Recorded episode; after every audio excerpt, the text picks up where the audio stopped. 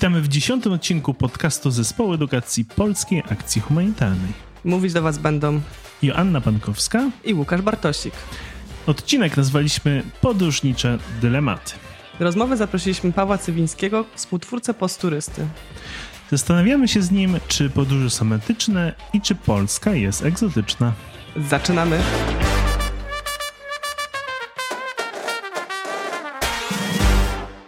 Ostatnim odcinku mówiliśmy o katastrofie klimatycznej i zahaczyliśmy też o wątek tego, że niekoniecznie nasza świadomość na temat zmian klimatu jest jednoznaczna z tym, jaki mamy wpływ na tę katastrofę. To jest powiązane z wieloma wyborami życiowymi, ale też stylem życia, który wynika z zamożności. Jednym z takich najbardziej naocznych e, przykładów tego, jak ta zamożność wpływa na naszą, nasz ślad węglowy i inne ślady klimatyczne, są podróże. No bo w podróżach przede wszystkim przemieszczanie się na dalekie odległości, samoloty, niesamoloty, samochody, wszelkie tego typu rzeczy, to jest y, bardzo duży wpływ na środowisko i to powoduje, że nawet osoby, które na co dzień wyrzekają się wszelkich plastików, y, jedzą tylko ekologiczne, lokalne rzeczy, nie jedzą mięsa, nabiału i tak dalej, i tak mogą jeden miesiąc wakacji właściwie przeskoczyć swój ślad węglowy wielokrotnie i zniweczyć te wszystkie całoroczne starania. Dlatego dzisiaj chcemy trochę więcej powiedzieć o podróżach, również z tej perspektywy klimatycznej, ale nie tylko, trochę szerzej, mówiąc o tym, co jeszcze może być w podróżach problematycznego, gdzie jeszcze znajdujemy kwestie warte refleksji, autorefleksji i mam nadzieję, że nie, nie zniechęcimy was tym samym do porzucenia podróży jako takich, ale może do przemyślenia swoich e, planów wakacyjnych, bo wchodzimy właśnie w sezon wakacyjny i to taki dość szczególny, Większość z nas jest wygłodniała spotkań z ludźmi, ale też właśnie spotkań z innymi ciekawymi doświadczeniami, nowymi miejscami. Mm, długo siedzieliśmy w domach, więc, e, więc na pewno też ten sezon będzie dość wyjątkowy w skali naszego życia. Na pewno podróże są tym obszarem, który pokazuje nam wiele procesów, które zachodzą na świecie, i myślę, że to jest super, aby się zastanowić nad nimi i podjąć własne decyzje. Nie ma zero-jedynkowych decyzji na pewno tutaj, ale myślę, że sporo refleksji przed nami jeszcze.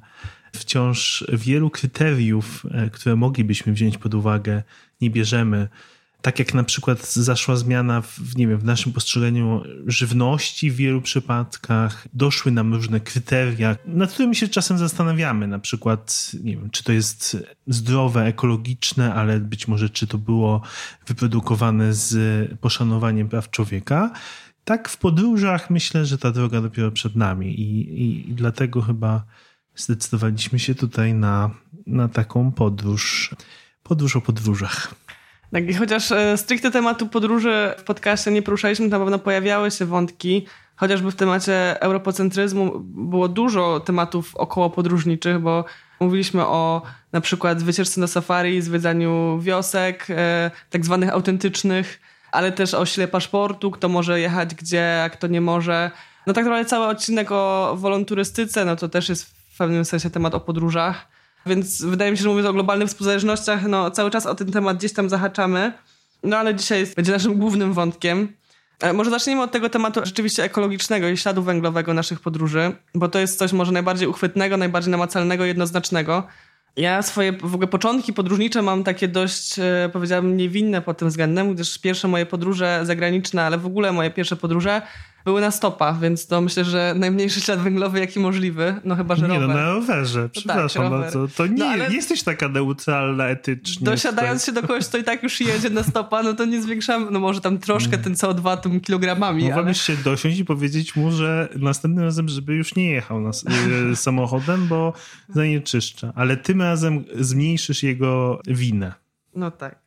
No mimo wszystko stop, tak samo jak, nie wiem, pociągi, rowery, to są stosunkowo... Y, Pielgrzymki piesze. Tak, no wędrówki też po górach, czy tego typu rzeczy. Ja też miałam jakieś takie wakacje z mamą jako dziecko, że szłyśmy pieszo plażą e, Bałtykiem przez e, paręnaście dni codziennie pieszo z plecakami od miasta do miasta. To też bardzo ekologiczna podróż, polecam.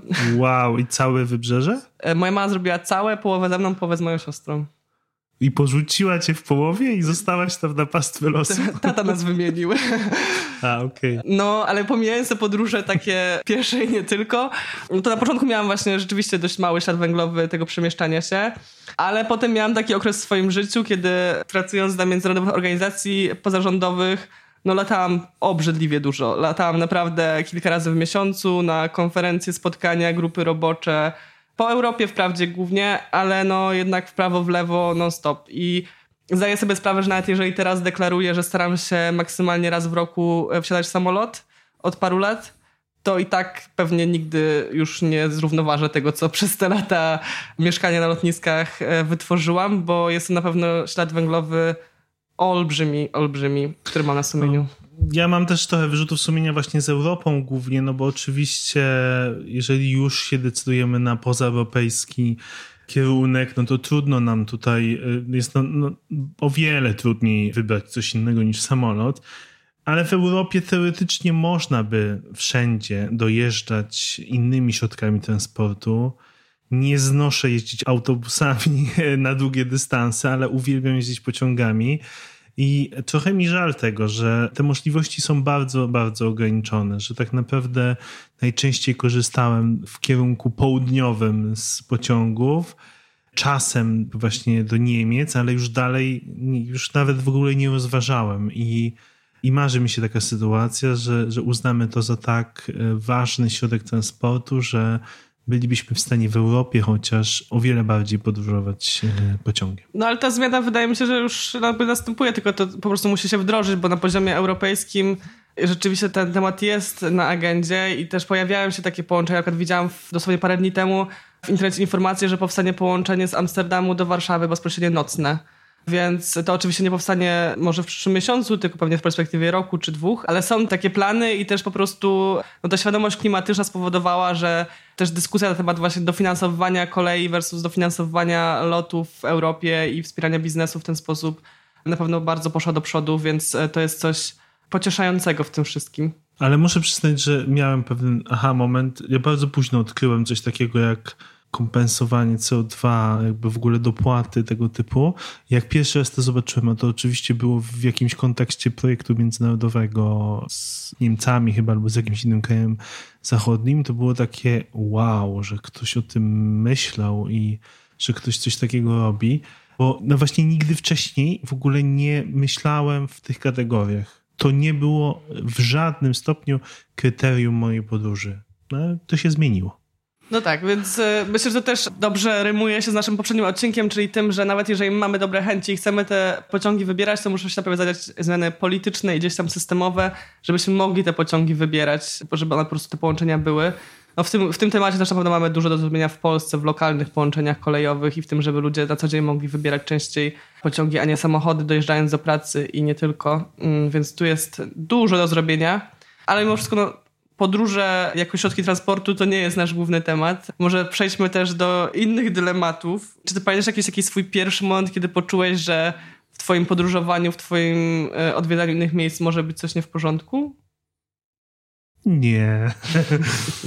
nie wiem, czy pamiętam taki moment. No na pewno refleksja o samolotach, no bo ja byłem zachłyśnięty nimi i dostępnością. To jest jedna rzecz odwoływałaś się do odcinka o wolontarystyce. Ja myślę, że tam jakby doświadczenie moje wolontariackie w Kenii przede wszystkim, a później też jakieś wyjazdy niekoniecznie stricte zawsze turystyczne, ale mimo wszystko trudne do odarcia z tej turystyczności. To znaczy, bez względu na to, czy jadę jako wolontariusz, czy jadę na konferencji, czy na szkolenie gdzieś daleko, to, no to wpadam w pewną kalkę, już szczególnie w, jakby w regionach, w których y, biały kolor skóry jest utożsamiany z konkretnymi wartościami, więc na pewno dużo miałem dylematów takich związanych z tym, do czego zachęcano mnie, żebym odwiedzał, doświadczał. No, chociażby w Kenii naj, najprostszy przykład, czyli to safari, tak? Jakby to dużo dylematów jakby wokół tego a co ja chciałem, tak? No i chyba też takie zmaganie się z pragnieniem autentyczności, bo wydaje mi się, że, że, że bardzo chcemy w naszych podróżach poszukiwać tej autentyczności. I często, przynajmniej w moim kręgu znajomych, ludzie schodzą z utartych ścieżek, chcą, chcą coś, coś innego doświadczyć, no tylko to jest na taką skalę w tej chwili robione, że nawet robiąc to, wpadamy po prostu w pewien inny rodzaj doświadczenia turystycznego, że bardzo trudno nam się od tego, że no, nawet jakby no, w mainstreamowych przewodnikach jest napisane, jak zobaczyć coś więcej niż w przewodnikach. Tak jakby to takie paradoksalne, że i wszyscy tego szukamy, łakniemy, bo każdy chce, żeby to, co doświadczymy, było nieturystyczne, w tym sensie, żeby było prawdziwsze. No ale jest to w dużej mierze złudzenie i myślę, że, że refleksja na ten temat to są jakieś takie momenty. Jedną z takich prób ucieknięcia od tej właśnie utartych ścieżek wydaje mi się, że często jest e, ta próba spotkania z lokalnymi mieszkańcami, mieszkankami i to może dziać na różnych sposobach. Wielokrotnie też w przeszłości korzystałam z takich portali jak Couchsurfing, ale też wszelkie wymiany, gdzie my mieszkamy właśnie u lokalnej rodziny. I pamiętam z perspektywy drugiej osoby goszczącej, bo kiedy ja wyjeżdżałam na wymianę, do mojej rodziny przyjechał chłopak z Pensylwanii i on przyjechał przed moim wyjazdem, więc ja miałam jeszcze chyba taki tydzień czy dwa, kiedy on tu był, a ja jeszcze nie wyjechałam.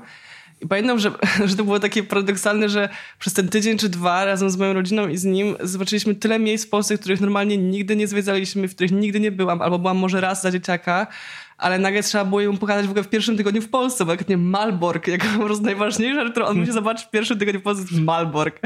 I obwoziliśmy go po tych miejscach i oczywiście to były bardzo ładne miejsca i on robił bardzo dużo zdjęć, na pewno wszystko to było bardzo ciekawe, ale, ale z drugiej strony nawet my, mimo że lokalni, nie pokazywaliśmy mu naszego lokalnego, codziennego życia, tylko chcieliśmy pokazać właśnie to, co jest w przewodnikach i to, co on mógłby też pochwalić gdzieś tam ludziom później opowiadając, nie? że ten mechanizm też sami lokalni ludzie też często wpadają w ten schemat, to nie znaczy, że to będzie autentyczne, jeżeli, e, jeżeli będzie do lokalnych ludzi. A drugi schemat, który... Tak, jak ludzie mnie pytają, co zrobić w Toruniu, to zawsze mówię, no koniecznie w pierwszej kolejności do Muzeum Piewnika musisz iść.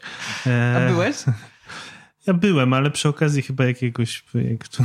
No ja też byłam tylko jak ktoś mnie odwiedzał. No właśnie, no, albo jak ktoś z kimś. No mhm. właśnie, chyba z jakimś gościem, e, który przyjechał, więc...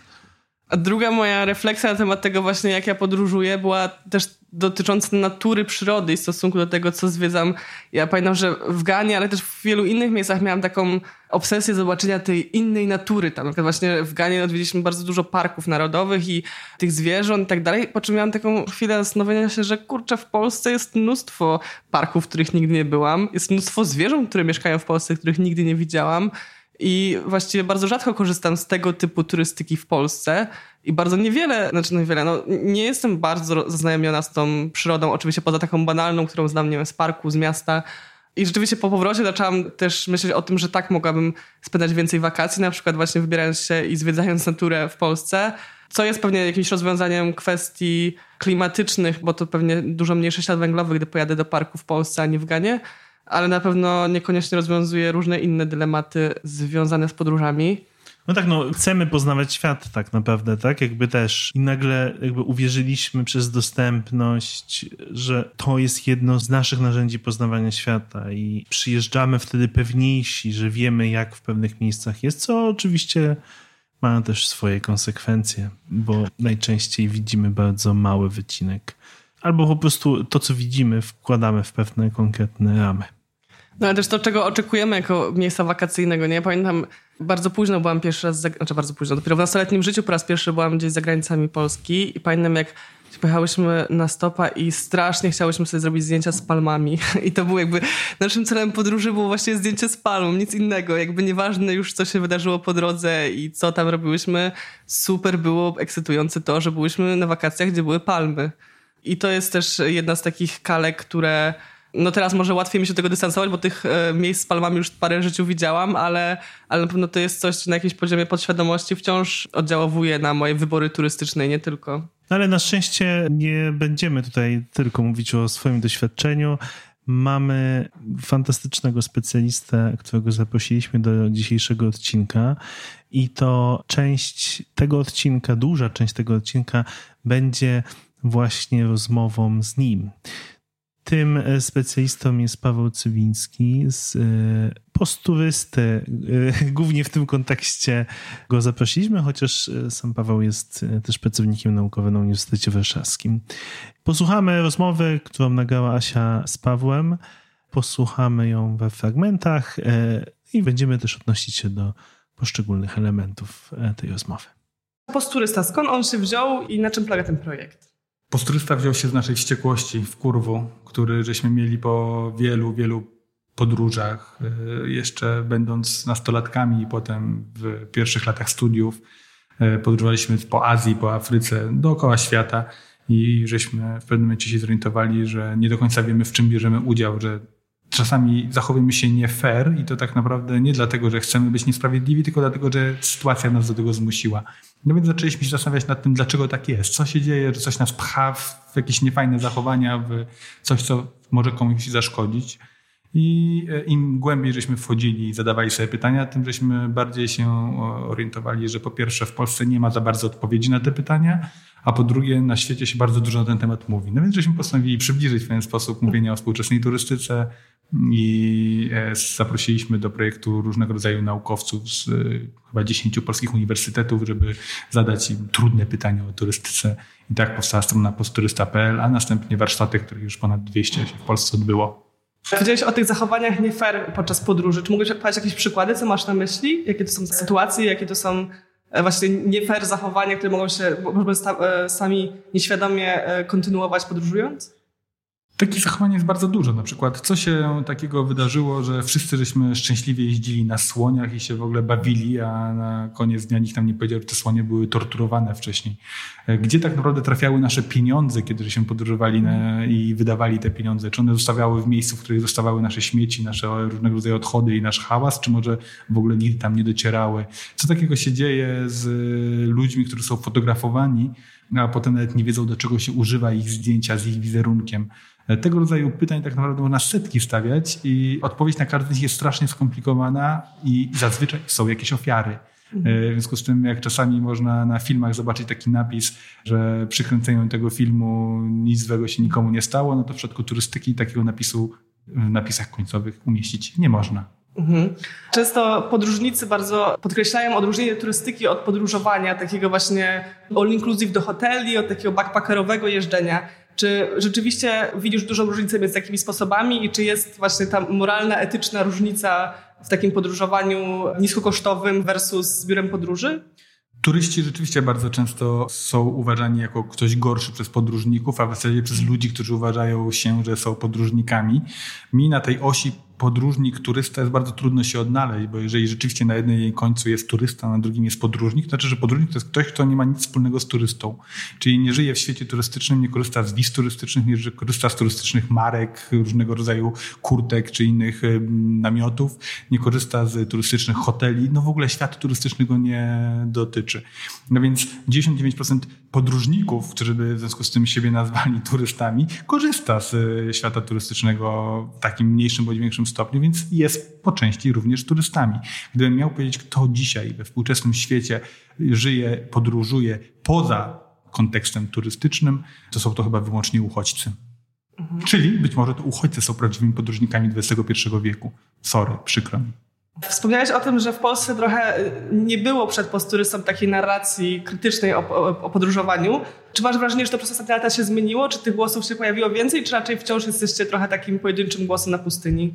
Mam wrażenie, że to się bardzo zmieniło i to nie tylko w części turystycznej, że w Polsce wraz z pokoleniem dzisiejszych 30-latków zaczęło to coraz częściej różnego rodzaju krytyczne treści wytwarzać na temat statusu kobiet w społeczeństwie, czy na temat podróżowania, czy na wszelkie inne tematy.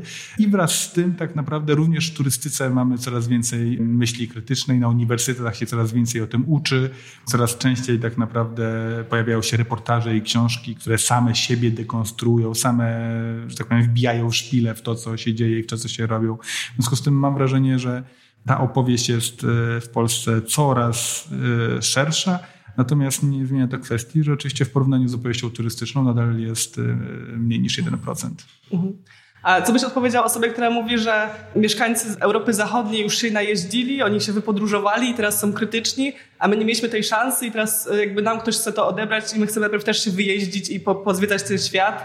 I dlaczego my musimy od razu być krytyczni tak samo jak ci sprawcy na przykład właśnie tych kolonialnych wielu sytuacji, bo to jest też co często spotykamy w tych e, historiach. Powiedziałbym, że ma całkowitą rację. Rzeczywiście ktoś im mm. odbiera jakiś rodzaj zachowań, który w dodatku w rozumieniu społecznym został usankcjonowany czy nazwany jako ten dobry, ten fajny, ten przyjemny. W związku z tym, dopóki oni myślą, że to jest zawsze fajne, zawsze dobre i zawsze przyjemne, będą zadawać tego typu pytania i będą cierpieć, że nie mogą tego robić. Prawdziwą sztuką jest zrozumieć, że to nie zawsze jest fajne, nie zawsze jest przyjemne i że to ma swoje dobre i złe strony. Jeżeli tak na to spojrzymy, to wtedy wydaje mi się, że tego typu pytania tracą swoją rację bytu. Czy uważasz, że rozwiązaniem jest nie podróżowanie, czy podróżowanie w inny sposób? To jest najtrudniejsze pytanie, e, które można zadać. Uważam, że znowu to dotyczy bardzo mocno i indywidualnego podejścia do e, etyki, do moralności do tego, co się robi i w jaki sposób się robi. Bo oczywiście, że można nie podróżować, można zostać w domu, tak samo jak można nie kupować butów, które są robione w sposób nieetyczny, czy nie uruchamiać telewizji, wiedząc jak, e, na jakich warunkach tak naprawdę są zatrudniani często ludzie w, podczas produkcji filmów. Świat jest pełen niesprawiedliwości i bardzo szanuję tych, którzy sprzeciwiają się temu w sposób bardzo, bardzo mocny i w sposób bardzo jednoznaczny. Natomiast nie mogę powiedzieć, że ci, którzy widząc tego typu rzeczy, robią to w mniej jednoznaczny sposób, w jaki sposób uczestniczą w tym systemie, są zawsze źli. Chodzi o to, żebyśmy umieli dostrzec te rzeczy, żebyśmy umieli je nazywać. Chodzi o to, żebyśmy umieli odpowiednio je oceniać i im większa będzie ta społeczna świadomość, tym rzadziej się one będą pojawiały. Natomiast y, czy trzeba być od razu radykalnym fundamentalistą w tym. Nie jestem przekonany, ponieważ to jest troszkę tak jak z niejedzeniem mięsa. O wiele łatwiej jest przekonać ludzi do niejedzenia mięsa. Przypomnijmy, że niejedzenie mięsa jest jednym z najbardziej wodochłonnych, że mięso jest jednym z najbardziej wodochłonnych mhm. rzeczy na, tym, na naszej planecie, w której zaczynamy mieć problemy z wodą. No więc o wiele łatwiej jest e, przekonać ludzi do ograniczenia mięsa, a nie do jedzenia mięsa. I być może tak samo jest z turystyką. Łatwiej jest być może ludzi przekonać do ograniczenia dla, na przykład latania z samolotami na weekend do Paryża, niż od razu im powiedzieć, że od tej pory mają siedzieć w domu i zakazujemy wakacji. A myślę, że jest możliwe takie przeobrażenie wyobrażenia o podróżowaniu, żeby właśnie ta, ta, turystyka stała się bardziej lokalna? Czy to w ogóle uważasz, że to jest cel tej dyskusji o, e, o turystyce? Żeby więcej było tej właśnie lokalnej turystyki? Myślę, że to tak naprawdę e, jest bardziej skomplikowany system. W sensie zależy, co nazwiemy lokalnością. Wyobraźmy sobie, że zaczynamy promować lokalną turystykę w, w okolicach Dżakarty dla mieszkańców Dżakarty, w, czyli stolicy w Indonezji. I nagle e, lokalność tak naprawdę zostanie, zostanie zalana przez kilkanaście milionów ludzi, którzy sobie lokalnie zaczynają podróżować w weekend. No to tak naprawdę promień tych 100 kilometrów w okolicy Dżakarty zostanie że nie zostanie na nim, że tak powiem, cegły na cegle, ponieważ e, ta lokalność zostanie e, zabita przez, tę masow, mas, przez masową turystykę. Wydaje mi się, że pytanie nie powinno brzmieć, czy lokalnie, czy nielokalnie, tylko jaki jest impact, jaki jest nasz wpływ na rzeczywistość. Jeżeli umiemy na przykład e, korzystać z rowerów, to jeździmy rowerami może nawet nie lokalnie jeździć tymi rowerami, ale na pewno jest to lepsze dla planety niż gdybyśmy latali samolotami wszędzie albo jeździli samochodami. Jeżeli możemy płacić i zasypiać w małych agroturystykach, w lokalnych hostelikach, to róbmy to. Jeżeli jesteśmy w stanie oszczędzać wodę i nie spać w miejscach, gdzie są wielkie baseny, tylko po to, żeby były tak naprawdę, żeby tych 30 czy 50 gości mogło się w tym wielkim basenie wykąpać raz w czasie całego pobytu, no to ograniczajmy. Jeżeli możemy sobie pozwolić na to, żeby nie grać w golfa, no to nie grajmy w tego golfa, bo wiadomo, że jedno pole golfowe zużywa mniej więcej tyle wody, co 60 tysięcy osób w tym samym momencie. No więc to jest raczej kwestia świadomości tego, co się po sobie zostawia i w jaki sposób się zostawia. I jeżeli lokalność pomoże w tym, żeby być mniej szkodliwym, bądźmy najbardziej lokalnymi ludźmi na świecie, ale to nie zawsze to jest takie proste. Mhm. Wspomniałeś o tej skali właśnie ilości osób, bo turystyka też jest bardzo, bardzo duży biznes. Czy mógłbyś trochę więcej powiedzieć o tej skali i statystykę? Oczywiście. Największe liczby mamy przed pandemią i e, warto o tym wiedzieć, że przed pandemią turystyka odpowiadała za 10% globalnego produktu brutto. To znaczy, że z każdego dolara 10 centów się kręciło na świecie wokół turystyki to czyni z niej jeden z największych sektorów gospodarczych świata. Ale to nie tylko to, gdzie kapitał jest ważne, ważne jest też to, gdzie pracują ludzie. Co dziesiąta osoba na świecie pracowała na rzecz turystów, gdzieś w sektorze turystycznym. To zazwyczaj e, nie są dobre prace. To są prace sezonowe, to są prace niskopłatne, to są często takie prace, w których następuje bardzo duża rotacja pracowników. Natomiast e, nie zmienia to kwestii, że to też pokazuje, że mamy do czynienia z czymś naprawdę wielkim. To wszystko razem generuje prawie 8% e, światowych różnych emisji gazów cieplarnianych. Przy czym największym emitentem jest oczywiście podróż a takich podróży turystycznych odbywało się miliard trzysta milionów rocznie. Tym samym e, widzimy, że mamy do czynienia z wielkim globalnym zjawiskiem, odpowiadającym za gigantyczne procesy ekonomiczne, czasami utrzymujące wręcz całe państwa czy całe regiony z jednej strony, a z drugiej strony z momentami spotkania ludzi na całym świecie w tym kontekście turystycznym, chyba na największą skalę z wszystkich innych rodzajów spotkań. Żaden biznes, żadne odwiedzanie cioci, żaden inny rodzaj e, podróżowania nie jest e, odpowiedzialny za tak wiele spotkań pomiędzy ludźmi na całym świecie jak kontekst turystyczny. A kontekst turystyczny ma swoje własne charakterystyczne cechy, które wpływają na to, że na przykład jedni fotografują, a inni są fotografowani. Czyli bardzo rzadko ten kontekst spotkań doprowadza do tego, że te spotkania są podmiotowe, że tam mam do czynienia z osobą, z osobami, które siebie traktują nawzajem z takim samym szacunkiem. Wow, ile wątków. Od czego by tu zacząć? No, ja może zacznę od aha momentu swojego w ogóle takiego myślenia o turystyce, no to przede wszystkim zmiany myślenia od takiego beztroskiego podróżowania, które nie ma związku za bardzo z procesami na świecie, do właśnie myślenia o tym, że to jest jednak sektor gospodarki. Jak nieraz przedstawiane są jakieś analizy, no to no zawsze jakoś oczywiście to traktowałem, ale jakby zastanowić się nad tym, że to faktycznie jest ogromna część globalnej gospodarki. No doświadczyliśmy w tym roku, półtora w zasadzie, że że ograniczenia w jej zakresie no, powodują bardzo ogromne straty. Dla wielu krajów o wiele bardziej dotkliwe, bo są bardziej uzależnione od, od, od turystyki. Myślenie o tym y, w kategoriach y, jakby gospodarki to także myślenie o tym w kategoriach marketingu, projektowania potrzeb, wyobrażeń o tym, co nam się należy, na co, jak możemy zaspokajać swoje potrzeby. No i jak sobie popatrzymy nie tylko na oferty biur podróży, chociaż tam bardzo wyraźnie to widać, ale w ogóle na nasze rozmawianie o turystyce, podróżowaniu, no to jest to w tej chwili coś, co graniczy trochę z prawem człowieka. To znaczy, że uznajemy to za tak oczywiste i za tak e, fundamentalne, że każdy powinien mieć e, prawo do tego, żeby sobie podróżować i jeździć po świecie. No, czy każdy to już niekoniecznie. My, biali, bogaci, europejscy, ale to oczywiście nie jest symetryczna sytuacja. Bo to prawo do przemieszczania się przypisujemy sobie. Chętnie zaprosimy też innych, o ile mają dużo pieniędzy. Tak, no bo jednak w przypadkach e, na przykład uchodźczych to już nie tak chętnie przepisujemy ludziom prawo do przemieszczania się jak w swoim podróżom, ale to też jest, myślę, że znamienne w naszej narracji na przykład o czasach PRL-u, że ja jako osoba, która nie żyła w tych czasach, jestem w stanie oczywiście po dłuższym zastanowieniu się przywołać dużo więcej informacji o tym, jak się tam żyło, ale pierwsza rzecz, która pewnie by mi przyszła do głowy, to jest to, że nie można było wyjeżdżać. I to jest taka, myślę, dość no, dominująca narracja i ten kontrast właśnie tego, że wtedy było źle, bo nie można było, a teraz jest dobrze, bo można. I to jakby podkreślanie tego aspektu życia, też w tej wypowiedzi naszego gościa padło takie bardzo ładne sformułowanie podróżowanie jako coś dobrego i fajnego. Myślę, że to jest trochę taki fajno-kapitalizm, właśnie takiego, że tworzenia własnego wizerunku, że my jesteśmy fajni, podróżujemy fajnie i że to jest coś takiego, co jest wręcz kreowanie własnej osoby, jakby na podstawie tego, powiedz mi, gdzie jeździsz na wakacje, ja powiem ci, do jakiej klasy społecznej należysz. I... No na pewno decyduje to o statusie trochę. Nie bez powodu ostatnio mamy coraz więcej Zanzibarów w przestrzeni publicznej albo wyjazdów do Azji, które nagle się stały popularne, bardziej dostępne, ale jednocześnie bardziej pokazujące, jakby na co mnie stać.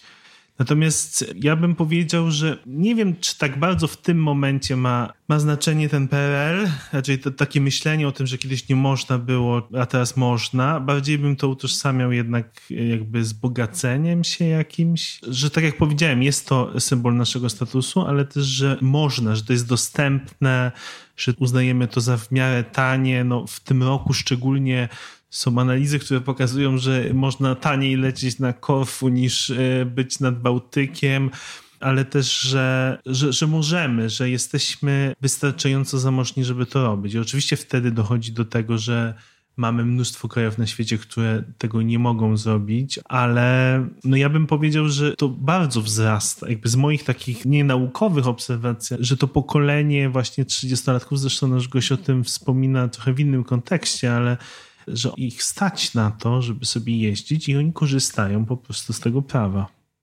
No ale też właśnie wydaje mi się, że ci sami 30-latkowie i 30-latki w różnych grupach, częściach społeczeństwa będą jednak mieli różne te wyobrażenia i potrzeby, no bo nie sądzę, żeby wszyscy ludzie z tego pokolenia mieli takie samo wyobrażenie o dobrych wakacjach i takie samo wyobrażenie o tym, gdzie jest fajnie pojechać, albo właśnie co jest. No tak, ale fajnie... to jest szczegół według mnie. Dla mnie to jest jakby jedyne coś zastanawiające, o czym rozmawialiśmy sobie tutaj też już poza nagraniem, że to trochę nie styka często między postawami w życiu codziennym, a tymi postawami podróżniczymi. To znaczy, że ci sami często ludzie, którzy są eco-friendly, którzy w, w dziedzinie na przykład, nie wiem, jedzenia czy ubrań etycznych, jakby zauważają już pewne niesprawiedliwości na świecie, kompletnie nie zauważają ich w kontekście podróżniczym. A może zauważają i ignorują, jakby w sensie, że ale jest to łatwiejsze dla nich jakoś wciąż, żeby to, no, żeby nie przejmować się tym bardziej. Czyli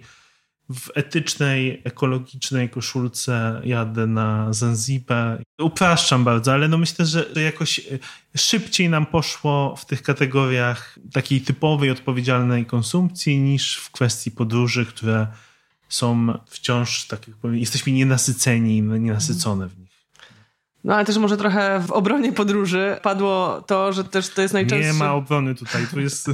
najczęstszy kontekst spotkania między ludźmi na świecie to są właśnie podróże.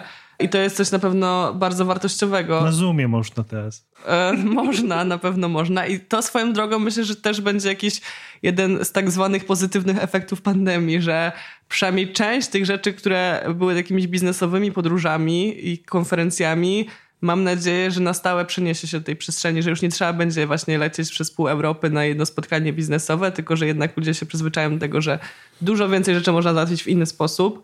No ale też się zmienia właśnie z tą świadomością i odmawiania pewnych sytuacji. Ale no, te spotkania są na pewno wartością. Ja też e, w tych czasach moich najbardziej grzesznych, kiedy jeździłam po Europie w prawo i w lewo, to jestem świadoma, że dzięki temu doświadczeniu e, wytworzyła się we mnie europejska tożsamość i to taka głęboka, nie, nie taka deklaratywno-polityczna, tylko taka naprawdę, że poczułam się częścią tego kontynentu, bo mam przyjaciół w każdym jego rogu i tak samo można się poczuć, myślę, że łatwiej obywatelkom e, świata, jeżeli trochę się w tym świecie zobaczyło i było w paru miejscach, niż nie wyściubiając nosa poza swojej lokalnej okoliczności. Czy jesteś jednak z tej kategorii, którzy już dużo zobaczyli i teraz jak już dużo zobaczyli, to mają wyrzut sumienia i mówią innym, żeby jednak nie robili tak jak ty. Nie, nie, nie. Absolutnie. Po pierwsze to aż tak dużo to ja świata nie zobaczyłam jeszcze. Oj tam, oj tam. Dużo Europy to i owszem, ale świat jest dużo większy. Ale też przede wszystkim ja od jakiegoś czasu też pod wpływem warsztatów komunikacji bez przemocy często zadaję sobie pytania o to, jaką potrzebę próbuję sobie zaspokoić różnymi działaniami. No i właśnie między innymi podróże, jakie, jakie potrzeby mi spełniają. I to też pomogło mi trochę rozróżnić właśnie na to, kiedy potrzebuję wakacji, bo chcę odpocząć na przykład od intensywnego momentu w pracy, to może ja niekoniecznie muszę gdzieś jechać, tylko może potrzebuję być na wsi nad jeziorem 20 kilometrów od, od tego, gdzie mieszkam. A momentami, kiedy właśnie mam przestrzeń na to, że chcę poznać inną część świata i chcę się spotkać z drugim człowiekiem i chcę się czegoś dowiedzieć, ale wtedy to jest też zupełnie inna potrzeba, inne nastawienie i, i to myślę, że powoduje też, że jestem w stanie sobie teraz dużo łatwiej odmawiać części podróży i dużo bardziej selektywnie na nie patrzeć i dużo świadomiej to robić. Znaczy nie podróżować aż tak dużo, ale jak to robić na przykład właśnie na dłuższy okres, z innym nastawieniem i tak dalej. No teraz akurat pojechali na przykład na trzy dni do Barcelony wydaje mi się maksymalną stratą i zasobów, i czasu, i też bardzo stresującym wypadem. Kiedyś to wydawało mi się super, że tylko zobaczyć na przykład miasta, nawet na weekend, więc oczywiście nie mówię tego z kategorii poleceń, ale ale wydaje mi się, że warto też sobie rozróżnić te potrzeby i to, to właśnie y, po co my podróżujemy i czy zawsze to jest najlepszy sposób na zaspokojenie tej potrzeby, ta podróż. To jest bardzo, bardzo dobry tip. Muszę sobie też pod tym kątem pomyśleć, bo nigdy tak nie myślałem, ale myślę, że zdecydowanie może to być wtedy łatwiejsze w, w decyzji. Jeżeli ktoś ma za dużo pieniędzy i nie wie... I dni urlopowych, I dni urlopowych na przykład, jak ja, to wtedy może po prostu dokonać trudnych wyborów. Bardziej etycznie. No dobrze, ale myślę, że możemy wrócić już do rozmowy ponownie. Skończyliśmy tutaj na jeszcze nowym aspekcie, którego nie poruszaliśmy, czyli aspekcie przedstawiania tej rzeczywistości i w ogóle upodmiotowienia osób, które są tam na Nie użyjesz naszego innego słowa narrację? Nie, bo właśnie liczyłem w głowie, ile razy ty już powiedziałeś narrację, więc e, e, stwierdzam, że niekoniecznie. Chciałbym powiedzieć, że mamy właśnie nowy projekt w naszym zespole edukacji, który się nazywa Włączamy nowe narracje w świecie, więc dlatego nadużywamy słowa narrację, ale to dopiero początek. Wracamy do rozmowy z Pawłem i zastanawiamy się nad tym, jak przedstawiamy rzeczywistość, którą odwiedzamy podróżniczo. Brak e, symetrii w tej relacji i w tym spotkaniu widać też tym, to tworzy narracje turystyczne, narracje o podróżach. Wy też podkreślacie często w swoich materiałach właśnie to, kto tworzy treści turystyczne i jak bardzo to wpływa też na to właśnie, co się potem wydarza w osobach, które przeczytawszy te treści chcą podróżować. Czy tutaj też widzisz jakieś wyjście z tej sytuacji tak naprawdę? Jak, jak można uciec z tej e, spirali właśnie wyobrażeń turystycznych, które są potem realizowane w podróżach? Kiedy zadamy sobie pytanie, do jakich źródeł sięgamy, jadąc na przykład do Laosu i wymienimy sobie 10 takich źródeł, czyli na przykład blogi turystyczne, przewodniki, czy inne programy telewizyjne albo encyklopedie, to sobie szybko zdamy sprawę, że autorami tych wszystkich źródeł nie są Laotańczycy, nie są mieszkańcy, nie są ci ludzie, którzy powinni opis móc opisywać swój własny świat, którzy tak naprawdę mają największe prawo do tego, żeby definiować samego siebie i swój własny świat, tylko są ludzie z zewnątrz przyjeżdżający, są ludzie podróżujący. Tym samym turystyka jako pewna opowieść o świecie, turystyczna opowieść o świecie charakteryzuje się tym, że mieszkańcom się obcina języki, mieszkańcy sami o sobie nie mogą mówić. Czy da się wyjść jakoś z tego problemu właśnie asymetrycznego, tego, że to ktoś inny opisuje tych ludzi. Ktoś inny opisuje nas czasami, bo to również dotyczy Polski. Wydaje mi się, że niestety w dzisiejszym świecie to jest strasznie trudne, zwłaszcza, że mamy dominujący język, jakim jest język angielski oraz goniący go język chiński. I samo to, jak skonstruowana jest e, językowa mapa świata, bardzo mocno wpływa na to, kto opowiada. Powiedziałeś też o wyobrażeniu o Polakach. Podczas warsztatu opowiadacie o tym, jak Polska była opisywana w bardzo popularnym przewodniku Lonely Planet. Czy mógłbyś to powiedzieć? W jednej z wczesnych edycji przewodnika Lonely Planet było takie top 10 najważniejszych e, atrakcji turystycznych, których każdy przyjeżdżający do Polski powinien e, zaznać. No więc e, kiedy na warsztatach zadajemy pytanie i prosimy ludzi o wskazanie, co według nich powinno być taką najważniejszą atrakcją, pada mnóstwo propozycji. Malbork, Tatry, Mazury, Morze, Pałac Kultury, Pierogi. Natomiast nigdy nie pada ta odpowiedź, którą wymyślili autorzy Lonely Planet, w tym przypadku pochodzący z Australii, Mianowicie e, był to Kalwaria Zebrzydowska, opisywana jako bardzo egzotyczne i unikatowe miejsce. No i to pokazuje świetnie, jak e, my sami inaczej byśmy opisali, inaczej byśmy stworzyli ruch turystyczny, a jak inaczej się opisuje nas samych. Robiąc doktorat w Indonezji, przyglądałem się między innymi tym, kto tworzy przewodniki po Indonezji i przewodniki, które były używane przez ponad 80% turystów przyjeżdżających do Indonezji w ciągu ostatnich 10 lat były tworzone w zasadzie wyłącznie przez mieszkańców Europy na ponad 100 różnych autorów. Tylko dwóch nie było anglosasami, czyli nie pochodziło z anglosaskiej kultury. Jeden był Rosjaninem, drugi był Francuzem. Nikt z autorów przewodników po Indonezji nie był Indonezyjczykiem. Czyli to jest doskonały przykład tego, jak źródła opisujące Indonezję milionom, jeżeli nie dziesiątkom milionów ludzi na świecie, powstają i są kontrolowane nie przez Indonezyjczyków, a przez innych ludzi w jakimś tam celu, bo oczywiście wiadomo, że cel, jaki mają e, Australijczycy czy Amerykanie tworzący takie źródła jest e, jeden. To ma się zwrócić, to ma zarobić na siebie. To musi być tak napisane i tak trafić do turystów, żeby wydawnictwo na koniec dnia zarobiło na tym jak najwięcej pieniędzy.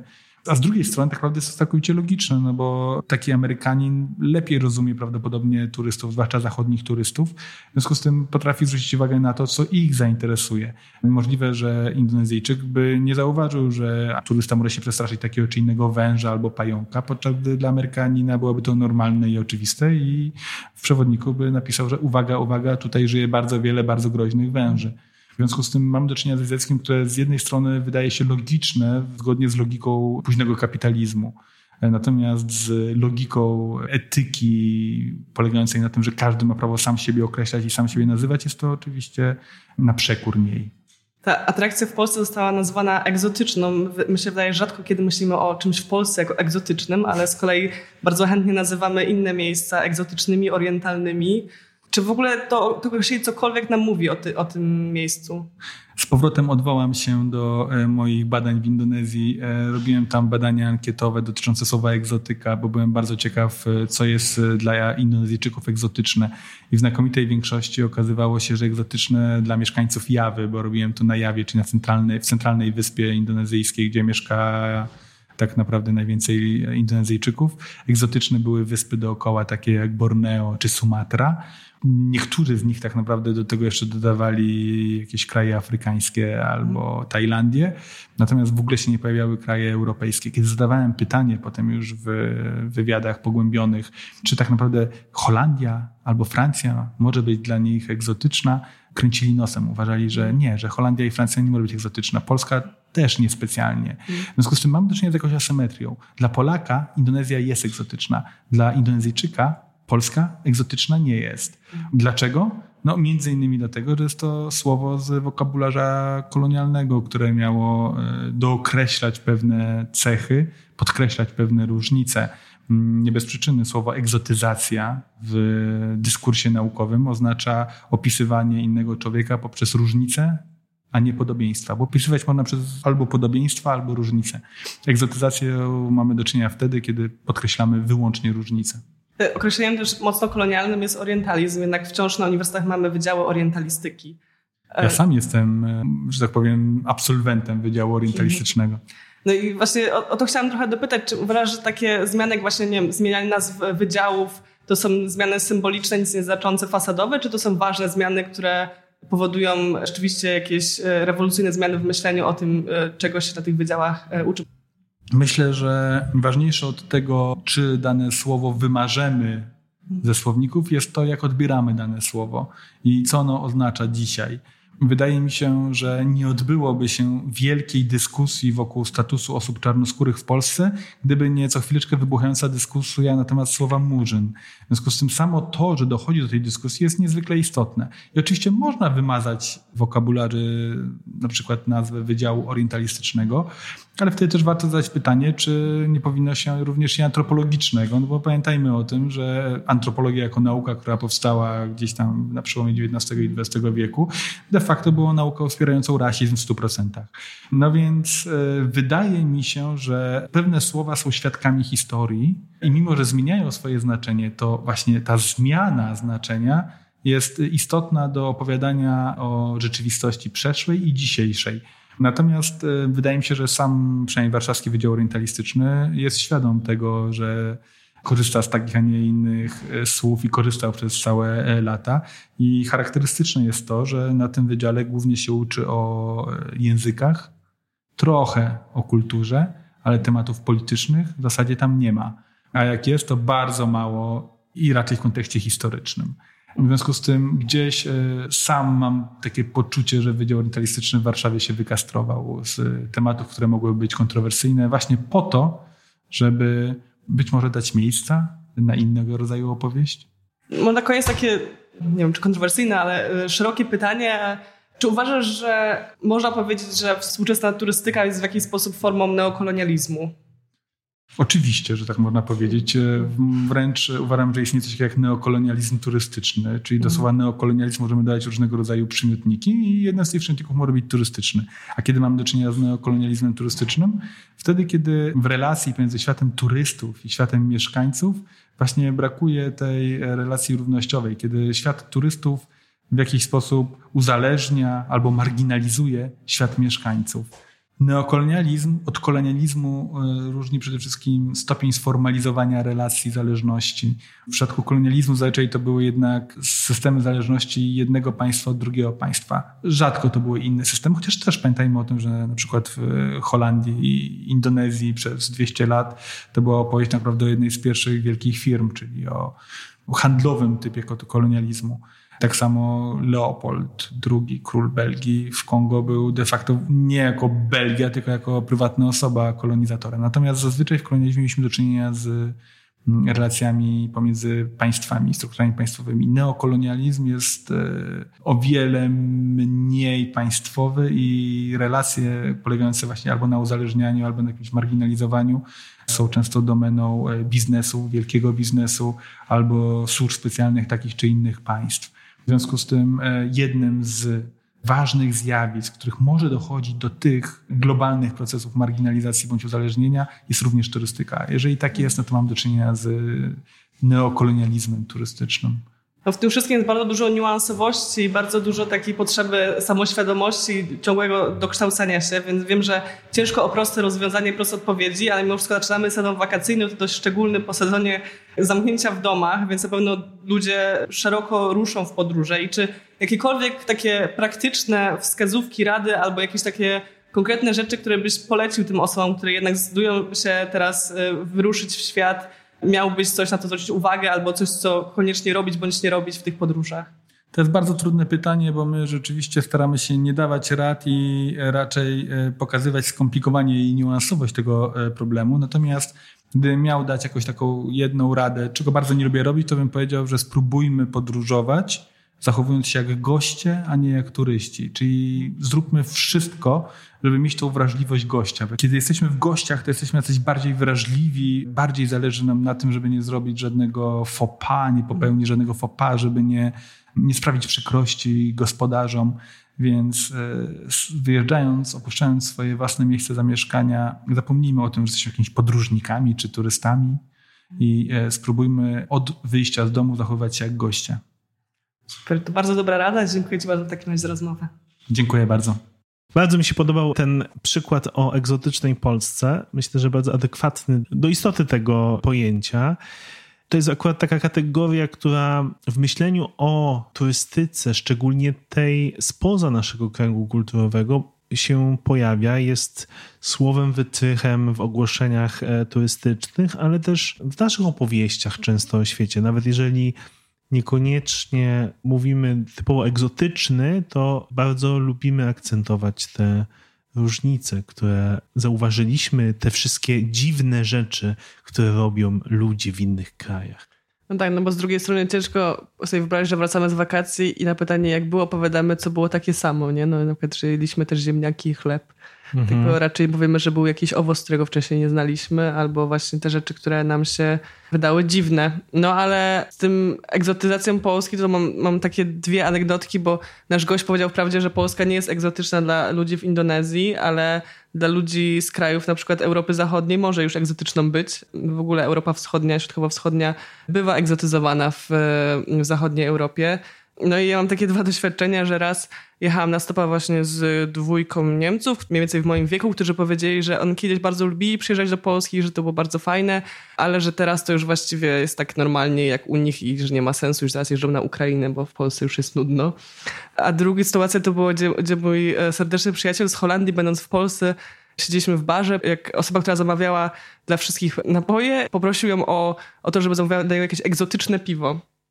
Będę wywiązała się bardzo duża dyskusja między nami, co on miał na myśli. Czy miał na myśli to, że chciał piwo z jakimś egzotycznym owocem w smaku, czy miał na myśli, że to jest piwo, które jest y, egzotyczne dla niego, czyli z Polski. No i okazało się, że chodziło mu o tą y, drugą wersję, to znaczy dla niego egzotycznym piwem w Polsce było takie piwo, którego nie kupi u siebie w Holandii. Czyli jakąś, y, znaczy pewnie teraz już wszystko kupi w polskich sklepach w Holandii, ale, ale po prostu jakąś markę, która może nie jest mainstreamowa w holenderskich sklepach.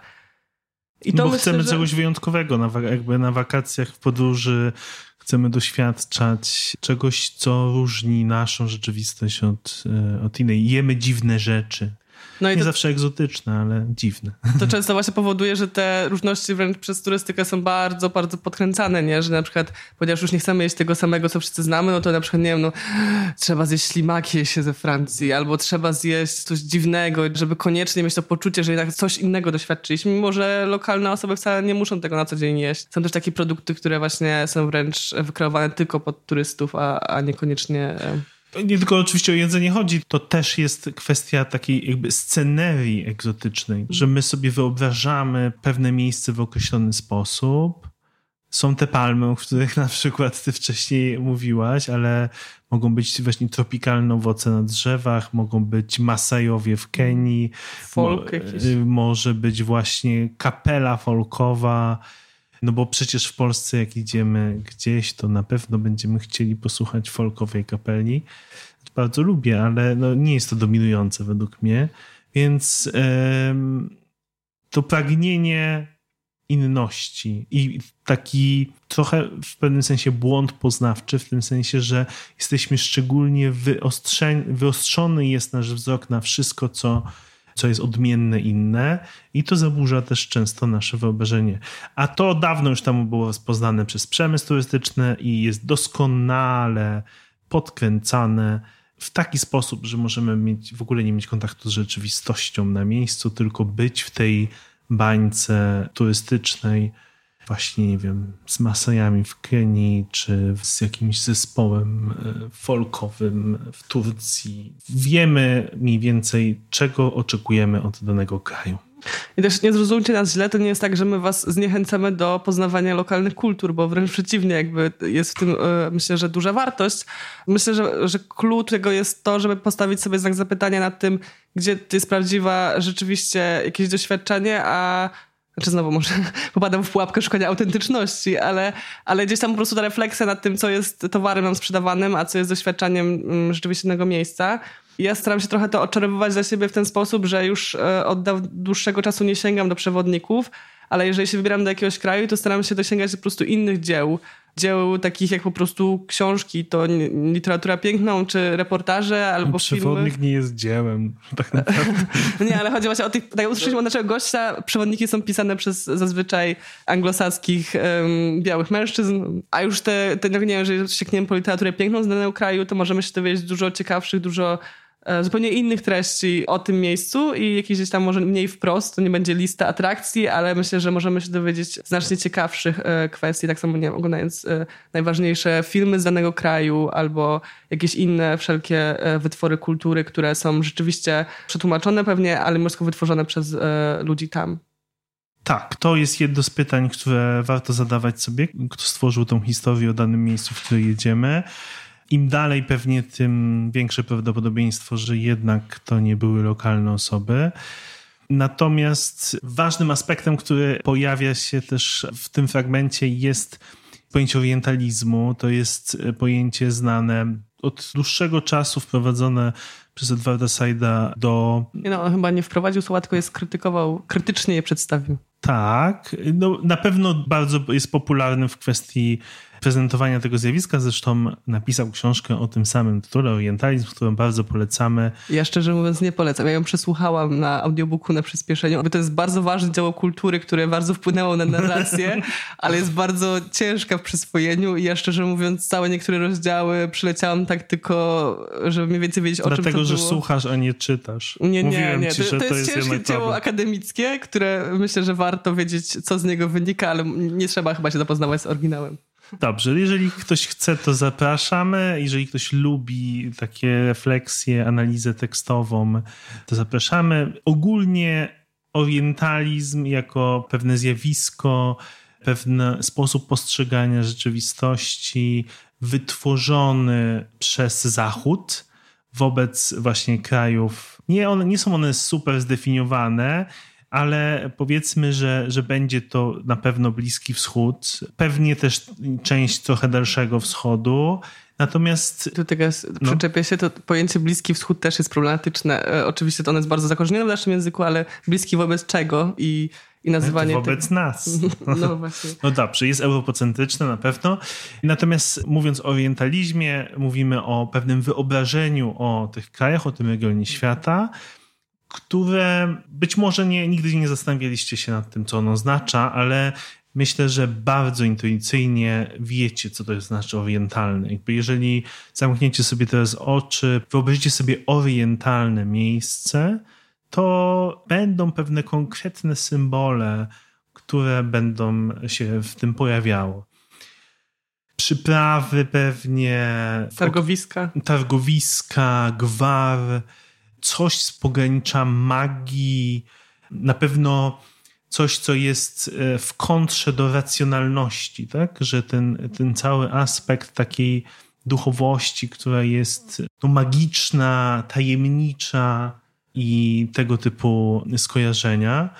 No, pomyślmy sobie o orientalnej muzyce na przykład, tak? No to, to też mniej więcej, myślę, jakieś dzwoneczki, taniec brzucha w przypadku tańca. Są bardzo konkretne symbole tego. I bez względu na to, co dokładnie sobie wyobrazimy, to mamy pewne wyobrażenie tego. Na pewno jest to pewna opowieść o świecie, pewny konkretny sposób patrzenia na tą rzeczywistość. I bardzo, bardzo użyteczny według mnie dla przemysłu turystycznego i dla podróżowania, bo daje nam obietnicę pewnej właśnie innej, egzotycznej rzeczywistości. Podczas warsztatów postturysty, które nasz gość prowadzi, ale też to znaczy, zdaje się, że jest ćwiczenie naczepnięte od autora książki Orientalizm Edwarda Saida. Jest takie ćwiczenie, gdzie właśnie osoby uczestniczące zaznaczają na mapie, gdzie ich zdaniem ten orient się znajduje. I łatwo pewnie sobie się domyślić, że nie jest to konkluzywne ćwiczenie, dlatego że no, podczas warsztatów, w których ja uczestniczyłam, chociażby e, w ostatni weekend, e, było zaznaczone wszystko od Maroka aż po Japonię. I tak samo było doświadczenia na poprzednich warsztatach i, i wszystkich innych, że Puenta książki, tej konstruktywnej krytyki tego pojęcia jest taka, że właściwie to jest e, sztuczny koncept, który nie, nie opisuje nikogo i niczego i, i raczej... Ale z drugiej to... strony wiemy, że raczej nie będzie to Europa. Nie? Jakby na pewno no tak. będzie to poza Europą, e, według mnie. No tak, ale jest to jakaś taka kategoria właśnie, która na pewno hierarchizuje i odróżnia. Wspomniałam, że właśnie warsztaty posturysty, bo y, udało nam się y, nagrać rozmowę z naszym gościem przy okazji warsztatów, które się odbywały w Toruniu i bardzo wam serdecznie polecamy to, żeby śledzić posturystę nie tylko jako stronę internetową, na której znajdują się bardzo ciekawe artykuły, ale też jako właśnie warsztaty, które odbywają się w całej Polsce. Mieliśmy okazję uczestniczyć przy dwóch różnych okazjach w Toruniu na tych warsztatach. Wiemy, że jeżdżą po całym kraju, więc na pewno uda wam się kiedyś gdzieś w swojej okolicy ich też zobaczyć i warto naprawdę pójść na ten warsztat. Tak, a w międzyczasie warto wejść na stronę posturysta.pl, bo tam jest e, kilkadziesiąt e, esejów, artykułów, które dotykają różnych aspektów podróżowania w bardzo szerokim sensie, ale też takich aspektów, które na przykład wolontarystyki, którą poruszaliśmy w innym odcinku, czy europocentryzmu, w bardzo przystępnej formie, wydaje mi się, jest co czytać, jest e, nad czym e, rozmyślać. Tak jak e, w pewnym momencie Paweł powiedział, nie ma tam jednoznacznych odpowiedzi, ale na pewno jest dużo, dużo pytań, które warto sobie zadać. A my z tematem podróży się na pewno nie rozstajemy. To jest gdzieś tam dopiero nasza rozgrzewka do tego tematu, gdyż e, niedawno rozpoczęliśmy, tak jak Łukasz wspomniał, projekt Nowe Narracje o Świecie, w ramach którego będziemy między innymi badać, właściwie już badamy e, narracje tworzone przez polskich youtuberów, youtuberki, największe kanały podróżnicze.